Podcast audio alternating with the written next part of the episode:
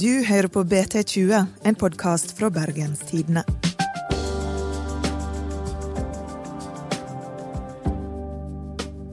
For første gang i norgeshistorien er ei kvinne dømt for å ha støtta terrorgruppa IS.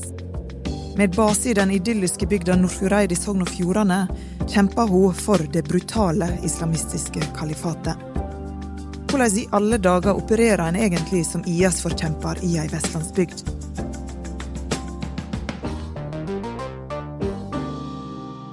Mitt navn er Ingvild Nave.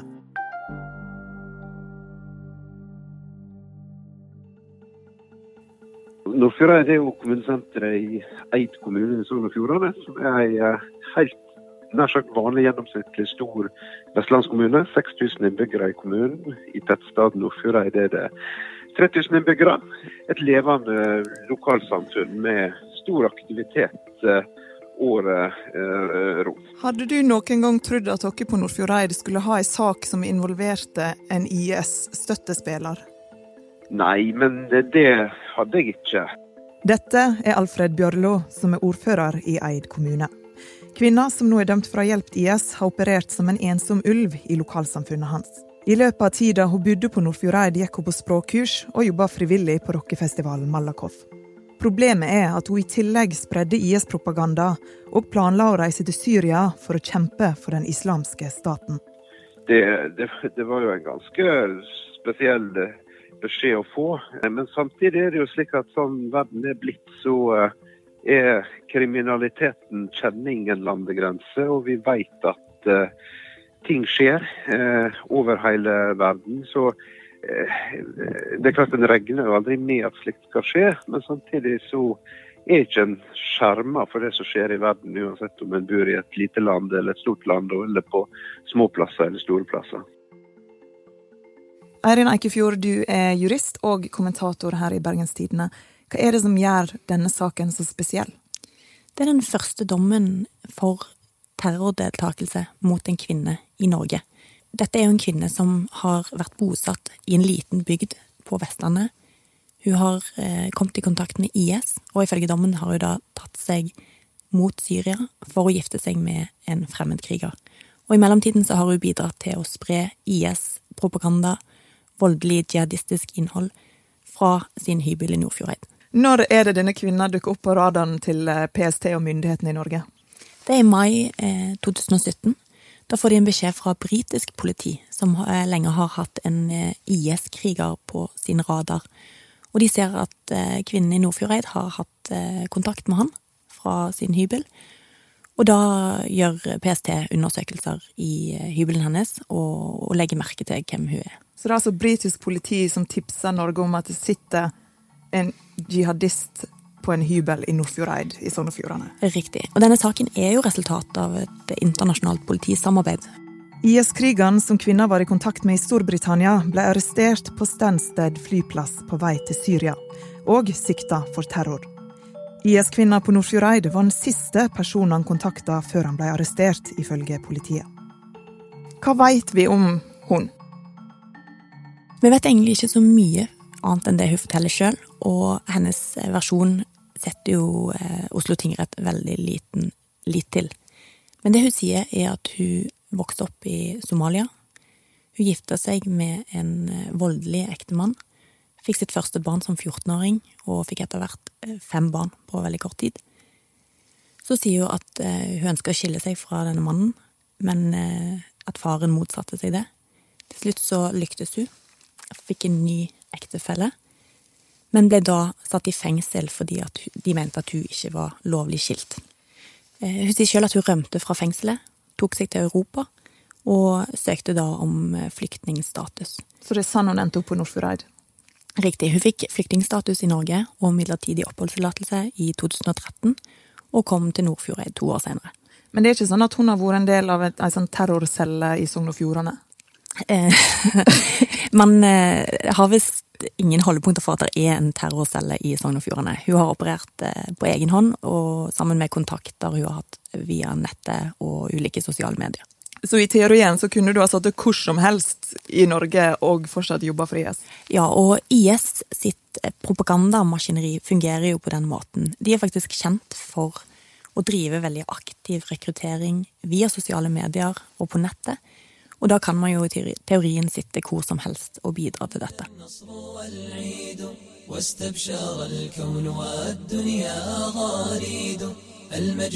Dette er fra den østafrikanske radioen Harar. Her skal kvinner ha sendt islamistiske hilsener.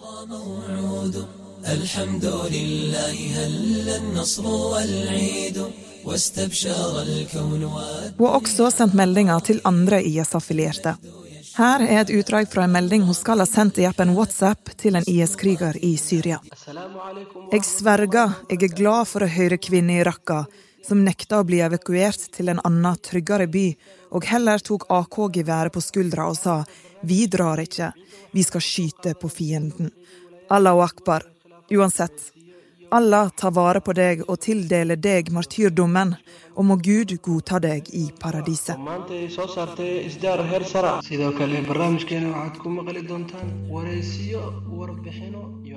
Det de har eh, spora opp, er jo ganske mye kontakt med ulike folk som er tilknytta IS på ulikt vis. Det er jo denne britiske IS-krigeren som gjorde at hun i utgangspunktet havna på radaren til PST.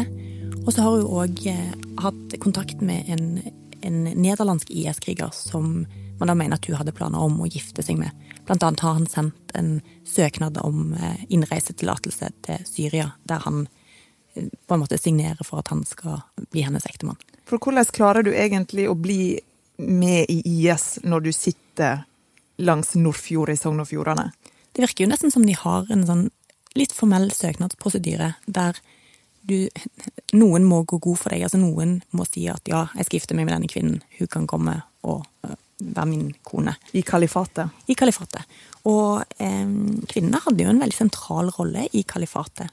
Dette propagandamaskineriet gjorde jo mye for å rekruttere kvinner. Og kvinner òg var en veldig viktig del av rekrutteringsjobben. De drev med sånn online grooming, der de prøvde å få andre kvinner til å komme til Syria.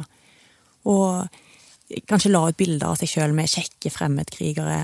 Eh, glorifiserte hvordan det var å være hjemme med barn, eh, og føde disse løvebarna, som de ble kalt, som er en slags Hitler-jugend-type innretning, der de skulle føde fremtidens eh, krigere. Den islamske staten er bygd på frykt. De har drevet med tortur og drap på sivilbefolkninga i områder de kontrollerte, og har utført ei rekke krigsforbrytelser. De har òg tatt ansvar for flere terrorangrep i Europa. På det største kontrollerte IS store landområder i Syria og Irak. Men så kom fallet. The caliphate has crumbled and ISIS has been defeated.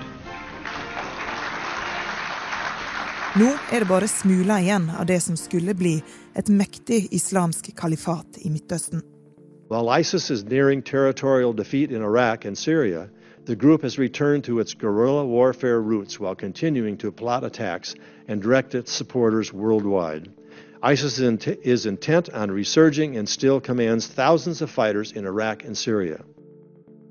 En veldig viktig oppgave for kvinner var jo å bli såkalte jihad-bruder, der de skulle være hjemmeværende koner, stelle hjem, oppdra nye krigere og, og bleie krigerne sjøl når de eh, var hjemme. Og kort tid etter så prøvde hun å ta seg til Syria, altså ifølge dommen og ifølge politiet, og endte da i Wien. Og østerrikske spanere så henne eh, sammen med to personer som, som var en sentral del av en ganske notorisk terrorcelle i Østerrike. Nå skal vi få en kjapp melding fra en av de andre podkastene her på huset. Vi er straks tilbake. Hei, jeg heter Sigrid Haaland og har en bra podkast om næringsliv som du bør sjekke ut. Vi snakker om hvordan batterier revolusjonerer skipsfarten. Hva det egentlig betyr når vi sier at oljebransjen blir digital. Og hvordan kvinner former teknologiutviklingen, for å nevne noe. Og podkasten kommer fra Sysla og heter Det vi lever av. Legg den til i podkastlisten din, så høres vi snart. Hva gjorde hun for å forfylle denne drømmen om å bli IS-brud i Syria? Altså, nå har jo hun ikke gjort så veldig mye annet enn å komme i kontakt med denne nederlandske IS-krigeren og forsøke å ta seg til Syria. Og hun er jo ikke skyldig i noe annet enn et forsøk, for hun kom seg jo faktisk aldri til Syria. Hun ble pågrepet først i Wien, så prøvde hun å dra til Italia, og så ble hun uttransportert til Norge, da man ble, ble oppmerksom på at eh, hun sannsynligvis var på vei til Syria. Veit vi om hun var radikalisert før hun kom, eller er dette noe som har skjedd mens hun har vært her? Det vet vi veldig lite om, og det hun sa i retten var veldig lite. Hun nekter jo for alt. Hun har jo en eh, dekkhistorie som er at en av barna, en sønn, ble syk og skulle nyreopereres i Addis Abeba i Etiopia, og at det var derfor hun la ut på denne reisen, ikke for å dra til Syria, men for å dra til Etiopia for å være med sønnen sin. Men det trodde ikke domstolen på? Altså, Den forklaringen er jo egentlig plausibel, men problemet er jo at hun har forandra forklaringen sin hele veien, og sagt ulike ting til norsk politi, til Østerriks politi, i retten. Og totalt sett så gjør det at eh, Oslo tingrett ikke mener, altså mener at hun har ingen troverdighet. Hun har søkt på veldig mye IS-relatert materiale, og det står jo i veldig sterk kontrast til det hun sier i retten, nemlig at hun knapt ante hvem IS var. De fant eksempel et bilde av henne hvor hun poserer med en IS-lue, og der hun sier at ja, men det var fordi at jeg liker kombinasjonen av svart og hvitt farge, jeg visste ikke hva dette var for noe. Og det er jo ganske lite troverdig når en ser hvor mye oppmerksomhet IS har fått, og hvilke nettsider hun har oppsøkt. Hun har òg overført eh, penger til ulike folk med tilknytning til IS. Totalt sett skal det være 9700 kroner, så ikke så mye, men likevel. Summen av alt dette gjør at man har eh, nok til å si at hun sto i ledtog med IS og hadde planer om å dra til Syria. Hvordan forklarer hun alt dette her? Hun holder på den siste versjonen av historien, som er at sønnen ble syk. Hun ville dra til Etiopia og besøke han. Og hun eh, hevder jo at jeg er en mor med fem barn, ingen kvinner forlater ungene sine for å dra til Syria for å krige. Men all empiri viser jo det motsatte, nemlig at kvinner var jo en veldig viktig del av eh, IS sitt apparat, og mange dro av egen motivasjon for å slutte seg til kalifatet. Hva slags dom er det hun har fått? Hun har fått en dom på to år og ni måneder, som er for å delta i eller eh, yte økonomisk støtte til en terrororganisasjon. Er det en streng dom? Ja, det er egentlig det. Fordi at kvinnen er kun dømt for forsøk. Hun har jo faktisk aldri vært i Syria, hun var bare på vei dit. Og har i tillegg spredd propagandamateriale og sendt ganske lave pengebeløp. Så i forhold til det hun faktisk har gjort, så er dommen ganske streng. Høyesterett har jo tidligere eh, sagt at eh, normalstraffen for en IS-kriger, altså en menig IS-kriger som ikke har noen ledende rolle, er fire år og seks måneder. Så det å da forsøke å ta seg til et IS-kontrollert område og bli straffa så strengt, det vil si at det er ganske tydelig signal om at man ikke tar lett på kvinner som eh, er assosiert med IS, og man tar jo absolutt ikke lett på terrorvirksomhet. Kan det bli flere sånne saker mot eh, IS-kvinner, sånn som hun her? Ja, der er jo anslått at ti-tolv kvinner fortsatt befinner seg i Syria. En del av de har barn, og en del av de har uttrykt ønske om å komme hjem. Og de kan jo da ikke forvente at de ikke skal bli straffeforfulgt. Så det vil bli flere rettssaker. Kommer disse damene til å klare å komme seg til Norge? Altså Kommer Norge til å hente dem, eller må de ordne det sjøl, eller? Det er jo et eh, veldig viktig og betent spørsmål akkurat nå. Der er delte meninger om det, og saken er veldig kompleks. fordi at eh, for det første sitter de i flyktningleirer og har begrensa mulighet til å ta seg tilbake på egen hånd. Eh, de har òg barn som Flere av de ungene er kanskje norske statsborgere. Det gir jo den norske staten et ansvar. Så spørsmålet er hvordan man skal håndtere dette. Skal du gripe inn, ta barna fra foreldrene? Skal man vente på at de kommer hit sjøl? Skal man dra ned og hente de aktivt? Det er jo et uløst spørsmål som, som egentlig er veldig komplekst og byr på en del utfordringer. Men noen sier jo at en burde hente hjem en kvinne når barna og mennene skal få strengere straff. Men disse kvinnene har jo òg reist til IS. Ja, og de fleste kvinnene som nå lengter hjem til en velferdsstat, de vil jo underdrive sin egen rolle i IS og bagatellisere det de har vært med på. Men man vet jo at kvinnene sin rolle var vel så viktig som krigerne. Eh, han Brynjar Lia, som er professor og som vitner i denne rettssaken, han kalte de for 'enablers of eh, jihad', altså en form for sånn terrorens tilretteleggere. Og det var jo det disse kvinnene var. De drev propagandaapparat, de stelte hjem, de lagde mat, de fødte barn. Og uten de så ville jo ikke denne staten fungert. Men fins det noe bevis på at en har klart å omvende disse ekstremistiske, islamistiske krigerne når de kommer tilbake til Europa? Nei, og det, vet, det, er jo det, det, er det som er det store risikomomentet ved å hente folk tilbake, eller å reintegrere de, som man sier.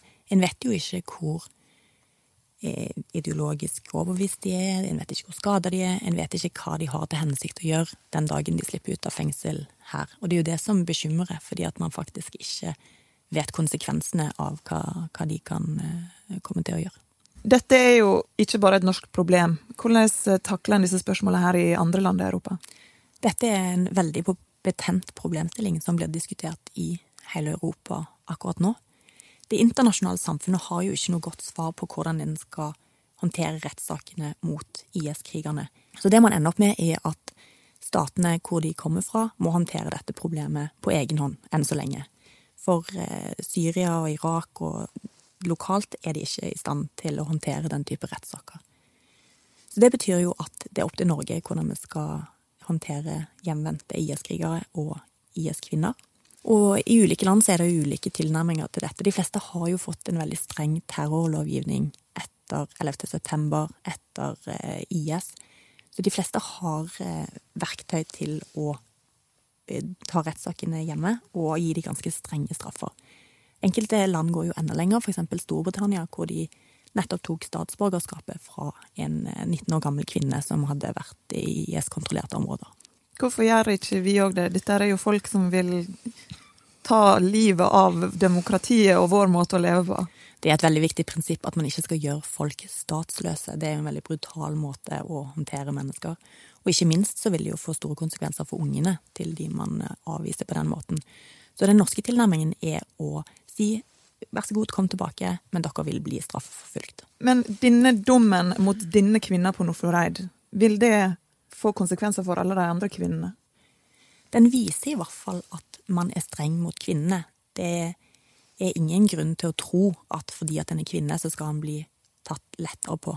Så viser det òg at den terrorlovgivningen vi har for deltakelse i en terrororganisasjon, eh, gjør at det skal lite til for å bli straffa for å være assosiert med IS. Eh, hun har jo tross alt ikke gjort så mye annet enn å forsøke å ta seg til Syria og spre propaganda, og likevel så får hun en nokså streng straff. Så det er ingen grunn til å tro at uh, dette vil bli tatt lett på. For jeg har jo googla veldig masse IS for å forberede meg til denne episoden her.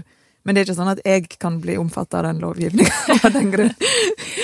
Du har vel ikke spredd voldelig jihadistisk innhold? Har Nei, det har ikke Da det. Ja, så det er lov å google, men ikke spre. ja. Ja. Hvordan tror du denne diskusjonen om eh, både fremmedkrigerne og kvinnene og barna vil utvikle seg i Norge framover? Akkurat nå så er det jo en ganske betent diskusjon om hva en skal gjøre med barna. Om eh, den norske staten har et ansvar for ødelagte barndommer, og om en kan hente de hjem eh, for å demme opp mot det de har opplevd. Der er det veldig delte meninger. Og så vil jo de som kommer tilbake igjen, bli straffeforfulgt. Det er jo veldig klart. Ehm, og det at de er kvinner og sier at de ikke har vært i krigen, er ikke noe formildende omstendighet. For de har uansett vært deltaker i en terrororganisasjon og bidratt til kalifatet. Og det denne dommen viser, er jo at det, det blir ikke tatt lett på at de er kvinner, og at de ikke har vært i krigen og fysisk drept folk sjøl. De har likevel medvirka til denne terrororganisasjonen. Så selv om krigen mot IS nå blir omtalt som nesten over, så er vi langt fra ferdig med etterdønningene fra den islamske staten? Nei, oppgjøret er fortsatt ikke tatt, og det kommer til å ta veldig mange år og koste veldig mye penger og kreve veldig mye. Det var BT20 denne veka. Vi er tilbake neste torsdag. Husk å abonnere, og last òg ned BTs nye lydapp Lytt. Produsent er Henrik Svanevik. Og mitt navn er Ingvild Nave.